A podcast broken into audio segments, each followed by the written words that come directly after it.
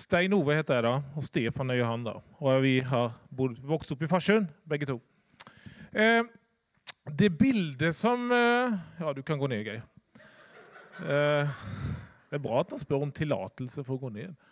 Du, alltså det bilder var ganska enkelt. Jag satt i bilen på väg hit och så spurte bara har du något, eh, något du ska se eller något jag ska, ett bild eller något annat ska dela.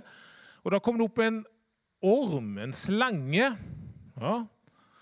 Och då blev jag alldeles nervös. Och då blev jag nervös. Vad är detta för något? Så sa jag, men det var ju en glad orm. En glad slange. Jag tänkte det var intressant, men jag känner igen det bilder. Vad har jag sett det för? Så sportade jag Stefan, kan du söka upp, fick upp Mato Mato? Är det någon som hört Mato Mato? Nej. Så fick Stefan eh, googla upp Mato Mato. Det kom upp ett spill. Ett som barnespill man spelar med. Och där är det en snill. Och det var ingen orm. Det var en meitemack som kom upp. Så det kan vara helt avslappnad. Jag var lite nervös ändå här. Eh, Geir var väldigt nervös när jag började berätta det igår. Vad säger du, en orm? Ja, det kan slappa av. Men, och då tänkte jag, vad är det du vill se med detta då? Ehm, och så började jag att googla lite och, och söka lite på mat och mat och också på Beitemacken. Ehm, och så kom det ganska tydligt till med att denna menigheten, jag tror jag hade ett bild som jag delte förra gången jag var här också, men denna menigheten har en uppgave där jag vet vad meitemarken gör i jorda. Det är ju flera bönder här. Va? Den är väldigt viktig för att ge näring och luft i jorda. Och varför behöver du det? Jo, för det ska komma ting som ska växa till.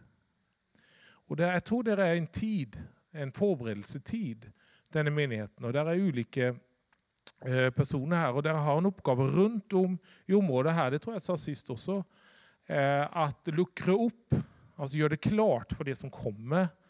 Och ting, det ska komma nya frö och det ska växa till ting, men den uppgaven där har i den tiden som är nu, det är att förbereda och luckra upp och göra näring till jorden så det kan växa till det som kommer skall.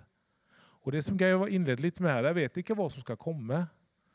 Men det kommer och det ska växa till saker runt omkring här. Och det är en väldigt viktig uppgave i att se till att det luckras upp och att det görs klart för det som ska komma. Så jag vill bara uppfordra er till att vara frimodiga. Gå på eh, i de uppgifter ni har. Och också vara frimodiga och tänka nytt. Runt omkring. Jag förstår på grejer att ni gör ju ting runt om i området här också eh, och i menigheten.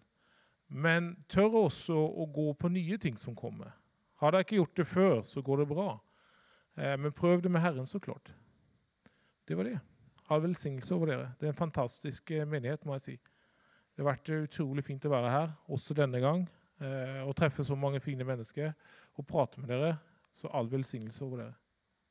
Det var det. Tack.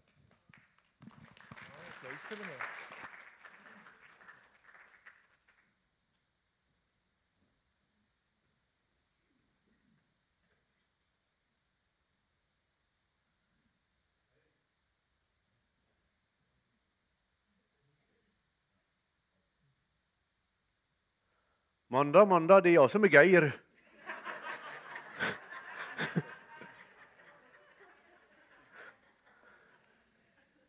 Ja, nu vet nog alla här inne att detta är Stefan. Ja. Härligt att ses denna morgonen igen. Eh, vi ber en, en bön här, att, eh, ber Herre att din Ande ska vara närvarande. Tack för att du möter oss idag, Herre. Tack för din godhet, Herre. Tack för att du, du har varit så påtaglig den här helgen, Herre. Tack för att du talar, Herre. Tack för att du kommer med befrielse och uppmuntran, Herre. Be så i Jesu namn. Amen. Jag fick en tanke här. Jag tänker som så här, ni ska ju ha årsmöte. Och eh, menigheten är ju väldigt viktig för Froland tror jag. Och de som sitter i styre, pastorer och ledare är väldigt viktigt att vi som församling ber och välsignar. Att de blir fyllda, precis som Geir sa, med den helige Ande. Den helige Ande kommer med vishet över vilka beslut som ska tas och hur vi ska gå vidare, hur man ska ja, arbeta i församlingen och alltihopa. Och, och ledare och pastorer i församlingar står ofta utsatta för ett oerhört andligt tryck. Därför är det väldigt viktigt att du som församlingsmedlem tar ett ansvar i bönen för församlingen och ledarskapet. Så jag fick en tanke att vi ska, ni som är i ledarskap och styrelse, kan ni, kan ni ställa er upp så får vi välsigna er.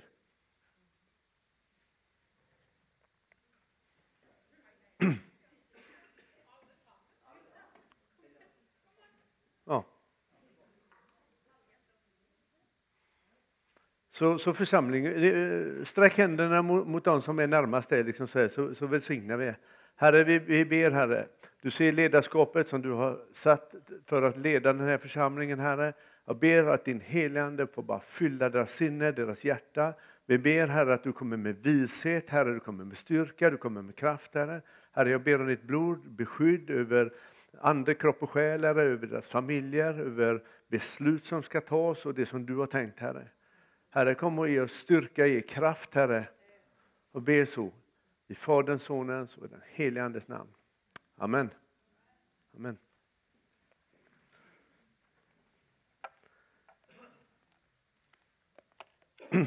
Det, det, har ju varit en helg här där vi har, pratat mycket om det profetiska och höra Gud och, och alltihopa som här. Och, eh, jag tänker som så här att det är oerhört viktigt att vi tar det på allvar, det som Gud har lagt i oss. Men budskapet jag fått idag är att du ska inte ta på dig någon annans kallelse eller röstning. Utan du ska bruka det som Gud har gett dig. I den situation du står i, i det sammanhang du står i. så. För det är så otroligt lätt att jag tittar på Kristine eller Geir och så, och sån skulle jag vilja vara. Och jag skulle kunna, kunna be på det sättet, jag skulle vilja göra så. Och så plagierar mamma. Och då blir det inte bra. Utan du ska hitta de gåvor som Gud har lagt till dig och det område du får av Herren, de människor som du är runt och det sammanhang som du står i. Om du arbetar som psykeplayer eller om du arbetar i församling eller arbetar i kommun eller oavsett vad du arbetar. Där tror jag att Gud kommer använda dig och det som ligger i dig för att förtäller om Jesus Kristus och de som är nära. Så därför är det så otroligt viktigt att du förstår vilken utrustning Gud har gett dig. Så jag vill uppmuntra dig till att söka in till just det Gud vill använda dig på det sättet. Jag har fått en gåva att profetera. Jag gör det på mitt sätt. Du har fått en gåva. Du ska göra det på ditt sätt. För det är så lätt att vi kopierar varandra för att det ska bli lite spektakulärt och så. Men det är inte det det handlar om. Vi ska bygga Guds rike och göra Jesus Kristus känd för människor. Och då ska du göra det på det sättet som Gud har lagt i ditt hjärta.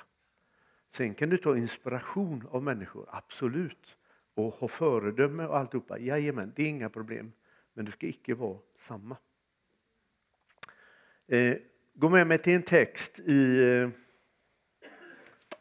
jag hinner inte läsa hela den här texten, men eh, jag hoppas att eh, ni kan läsa den själva när ni kommer hem eller, eller så har ni läst den tidigare så ni känner igen. Men det är första Samuelsboken 17. Första Samuel 17. Det handlar om det här textstycket när David kommer till Saul och han får en kallelse att han ska gå ut och, be, eller han, han ska ut, han säger att han ska gå ut och besegra Goliat. Ni känner till eh, sammanhanget. Och där står det, jag läser lite kortfattat, lite ryckigt här, men, men eh, jag tänker inte läsa hela texten då, va? men det är ju då när David sa att eh, han förklarar ju för Saul där att Herren räddade mig undan lejon och björn och han ska också rädda mig från den filisten det var ju Goliat som hånade och, och denne store mannen. Och, eh, då står det som säger att David band Sauls svärd. Och Saul klädde på David sina egna kläder och satte på en kopparhjälm på hans huvud och satte på honom ett pansar. Då band Saul svärd om sig och klädde, klädde försökte gå med det. För han hade aldrig provat något sådant. Men David sa till Saul, jag kan inte gå med den här utrustningen. Jag kan inte bruka den här. Och det står det eh, längre ner att när David sen gick ut helt i den rustning han fick, en liten slynga. Slynga, eller vad säger ni? Ja. Och så letade han upp... Eh, jag må, må bara fråga, du vet ute på, på torgen här och så, så lägger ni såna, eh, heter det gatsten? Ha? Bro, brosen. I Sverige säger vi gat, en gata. Och då brukar jag säga att David var den första terroristen som slängde gatsten. För han tog upp en sten, han var i Gat, hette området, och slängde en sten. Ja. Det är bra teologi. Han valt ut fem stenar och då går han ut och så möter han upp den här jätten. Och så tittar han på han och då står det att han ser en liten pojke med röda kinder och vacker. Han såg helt oskyldig ut. Men av texten så vet vi att han kittar iväg stenen, knäpper Goliat och vinner och tar in områdena. Och det här var till synes en utrustning som icke var något betydelsefull. Men den var helt anpassad från himlens Gud till David för att inta ett område. Och du och jag har fått utrustning av Herren och ibland kan vi titta på någon annans utrustning, vad fin den är, vad den funkar. Och så försöker vi ta på oss det och då kan vi inte bruka den på rätt sätt. Och Jag upplever att det här är ett budskap till oss som kristna, att vi ska vara väldigt noga med den utrustning vi tar på oss. Så att det är den som Gud har tänkt för våra liv. Jag var i... Eh, man, man pratar ofta om mycket kallelser och man vill höra profetord, man vill få tilltal, alltihopa sånt här. Under några år tillbaka så har jag varit på olika konferenser och talat. Och jag var nere i, i Sverige på ett ställe på en stor konferens, eller stor och stor, men alltså det var till synes ganska många människor där och hade eh, en, en eh, seminar om hela andra alltihopa och det hände lite speciella grejer där. Då var det en kvinna som blev lite upplivad. Så hon profeterade över mig och sa, har icke du en kallelse att bli präst i Svenska kyrkan? Nej, så det, det tror jag inte. Jag är från frikyrkan, jag är inte lutheran utan jag är pentakostal. Eh, det är det jag blir fostrad i och, och, och jag håller mig där. Och sen vid ett senare tillfälle så var jag inne i Göteborg på ett ställe. Och, eh, eh Svenska kyrkan i, i, i Sverige, tycker jag, börjar missa sitt mål. Börjar göra saker man inte ska göra. Och Det får du själv avgöra vad det är, men i vilket fall som helst så, så jag tycker liksom att man håller sig kanske inte 100% till Guds ord och strävar efter, utan man plockar in mycket annat. Det är politiskt och det är tänkande och det ska vara anpassat till samhället och alltihopa. Och så börjar man, det som jag nämnde första gången, när man plockar bort saker. Och då blir man, alltså du, du har ingen kompass. Den helige ande är kompass och den helige ande bekänner sig när vi håller oss till Guds ord. Och, och säger, Men det var jag i alla fall att förkunna och så stod jag på estraden så här. Så förnimte jag att det var en, eh, någon som hade fel i sin armbåge. Ja, det reste sig en kille och kyrkan var ganska tillknäppt så här. Det satt en del präster och lyssnade. Och eh, nu heter det inte samma... Eh, eh, lillbiskopen, prost heter det va? Ja, det är över präst. Ja, präst, prost, biskop. Det är så. Ja. Prosten sitter där och är ganska tillknäppt så jag tittar.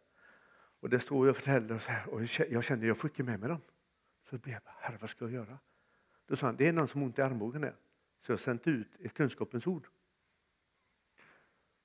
För jag kände att jag var inte så väl utrustad som de här prästerna och det var. Men jag stod där och så kände jag om att använda det profetiska. Så han kom fram och så sa till domprosten så här, skulle icke du kunna be för honom och välsigna honom? Ja, jo, ja, så här, myndigt och med kragen och så här. Så gick han fram och jag stod här och han stod där borta och så smörjde han så med olja. I Fadern, Sonens och de ändrar röst. Har ni tänkt på det? När, det, när, det, när Gud kommer då måste rösten bli annorlunda, annars är det icke äkta. Så. Men han ber för han och vad händer? Killen går i golvet av Guds kraft. Och de tittar på mig och jag sa, titta icke på mig, det var han. Ja. Och domprosten blir nervös och tar han och lägger han upp på bänken. Och står ah, kära Gud och välsignar. Vad gör vi nu? Ja, nu är Guds ande här.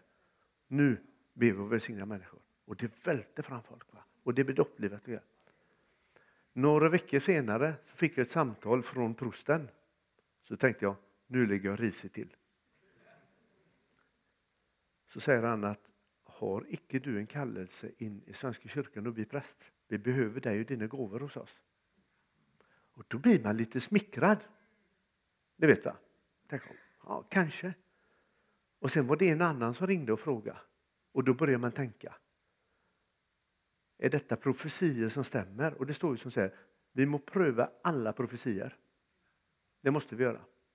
Jag frågade min hustru och, och, och vi, vi bad tillsammans och, och ja, men det kanske är så.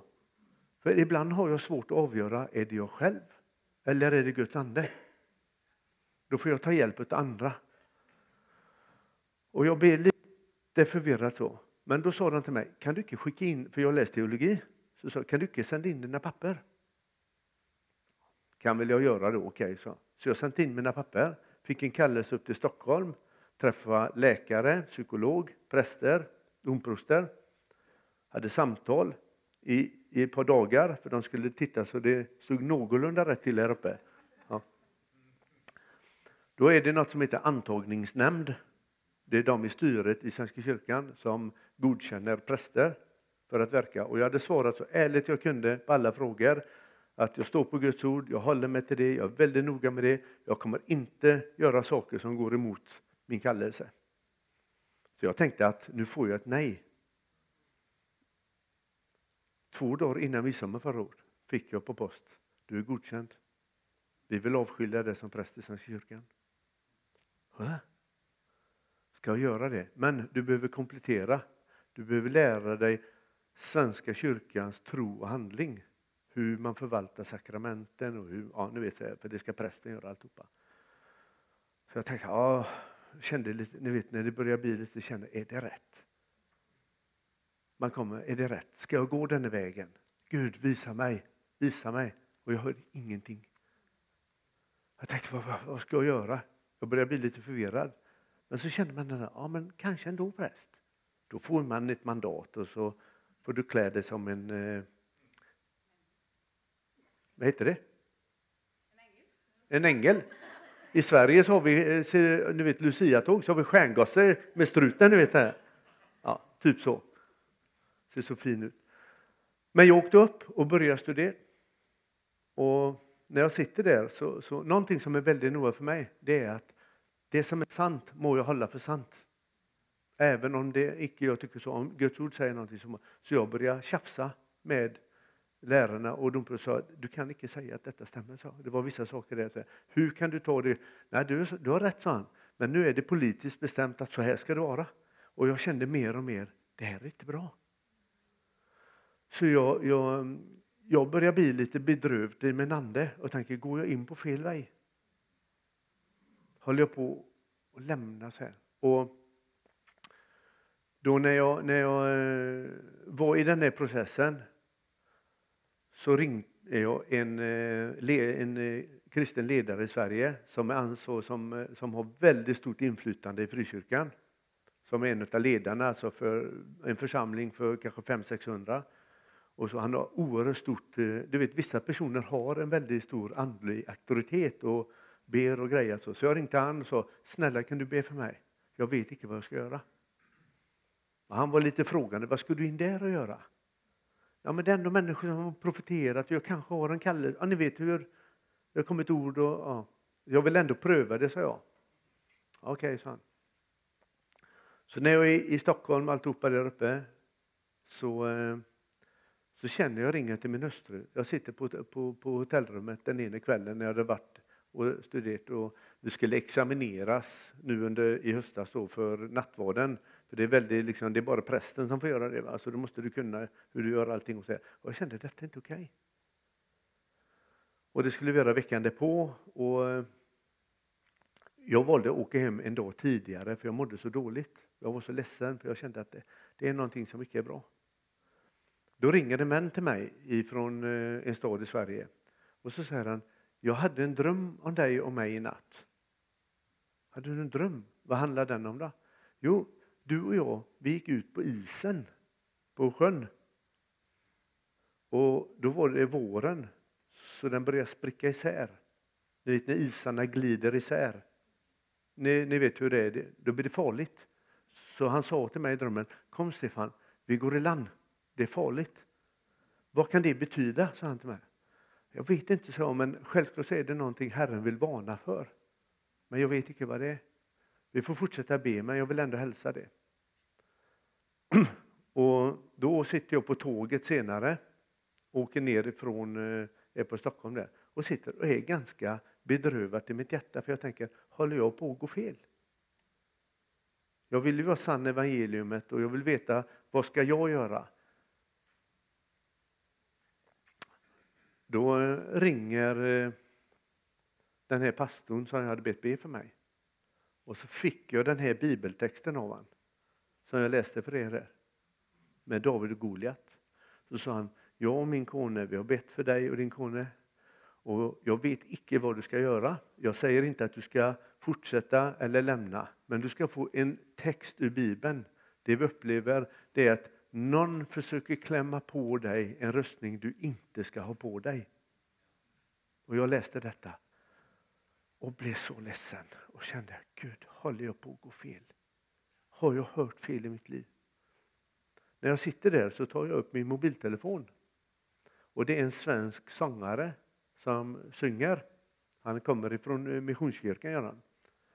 Och jag, jag lyssnar eh, inte så ofta på honom, för det är inte riktigt det jag brukar lyssna på. Men då kommer det upp en text på Spotify där med han som förslag. Så står det, du kommer ångra det här. Jag tänkte bara, är Gud, är du inne i Spotify? Så jag klickade på den. Vi ska lyssna någon minut bara. Kan du sätta igång den? Lyssna på texten om ni kan. Du har mig i ditt grepp på tusen skilda sätt.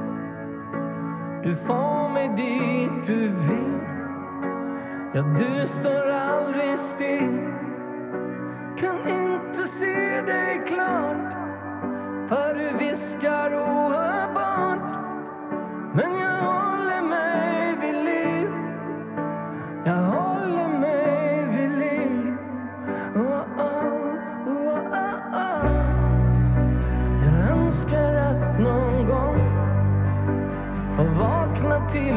till sång som vaggar mig till ro istället för oro. För jag känner mig som en slav som dansar runt sin grav. Men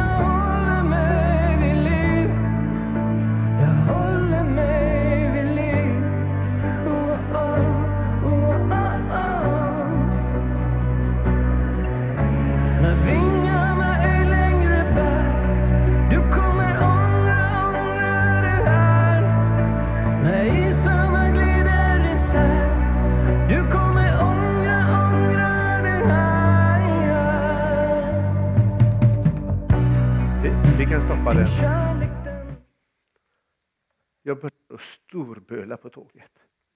Han sjunger när isarna glider isär. Det var exakt det min kompis i en dröm fick som ringde och varnade mig. Jag läser texten så här och jag ringer till min hustru och säger jag kan inte göra det. Det här går emot mig. Det kan inte vara tydligare. Så jag ringer upp domprosten och alltihopa och så säger jag som säger jag kan inte fortsätta. Jag har ingen kallelse i detta. Jag försöker ta på mig en röstning jag inte ska ha. Och det går emot mitt samvete. Så jag avbryter. Jag lämnar. Jag träffade eh, domprosten, landprosten och alltihopa och satt i samtal med honom och frågade vad tänker du? Hur Nej, sa jag, det är inte min kallelse. Gud har inte kallat mig till detta. Jag har lyssnat på profetord och jag har försökt få och kopplat upp de olika saker och jag prövade det profetiska tilltalet. Jag gjorde det så långt att jag till och med sökte och gick in så här. Men jag sa aldrig ja till det. Men när jag kände att det här är fel, då backade jag undan och så vände jag tillbaka. för jag vill vara fri. Acceptera det, sa han. Full respekt för dig. Går det emot ditt samvete och din kallelse så ska du inte göra det, sa han. Efter det så har vi fått en oerhört god relation. Jag har fått mycket mer kallelser in i Svenska kyrkan och predika. Men jag står inte under deras styrelse, utan jag är fri. Och det här gjorde ju något med mig. Det fick mig att se att det är oerhört viktigt att jag är noga med vad Gud satt på mig för röstning. Vad han sagt att jag ska göra. Hur kan jag söka mig in i hans närhet för att vandra på den vägen han har stockat ut för mig. Samma för dig min vän. Det är oerhört viktigt över vad du gör med ditt liv, vilka gåvor du använder, hur du brukar dem, att du icke tar på dig någon annans röstning. Utan du brukar det som Herren, då välsignar han det. Och då växer du till i det som Gud har tänkt. Då får du de profetiska gåvorna på det sättet som Herren vill att du ska bruka dem. Det finns en eh, text som Paulus använder i Efesebrevet som jag tänker, det är denna röstning vi ska ta på oss. Eh, Stefan, Och du den på skärmen där? Fick du fram texten? Det är två Stefan här. Nej? Jaha, Noah då, då. Jag menar Stefan. Det är den andra som heter Stefan. Ja. Det är väldigt rörigt där med namn.